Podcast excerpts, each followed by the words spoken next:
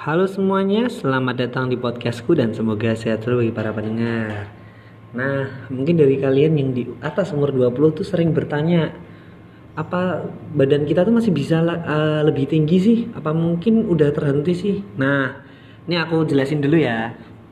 Pertumbuhan tinggi badan yang pesat emang biasanya terjadi di usia remaja, di usia 8, 15 sampai 19 tahun ya.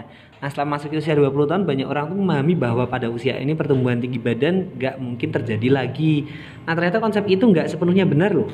Pada usia 20 tahun ke atas, pertumbuhan tinggi badan masih bisa terjadi selama lempeng pertumbuhan pada tulang panjang masih terbuka. Penumbuhan tinggi badan emang mendapat pengaruh dari faktor genetik tapi masih terdapat berbagai cara yang bisa dilakukan untuk memicu pertumbuhan tinggi badan setelah masuk usia 20 tahun. Nah, mau tahu kan pasti kalian soal cara-caranya simak di episode selanjutnya ya guys. Pokoknya stay tune terus di channel ini and thank you.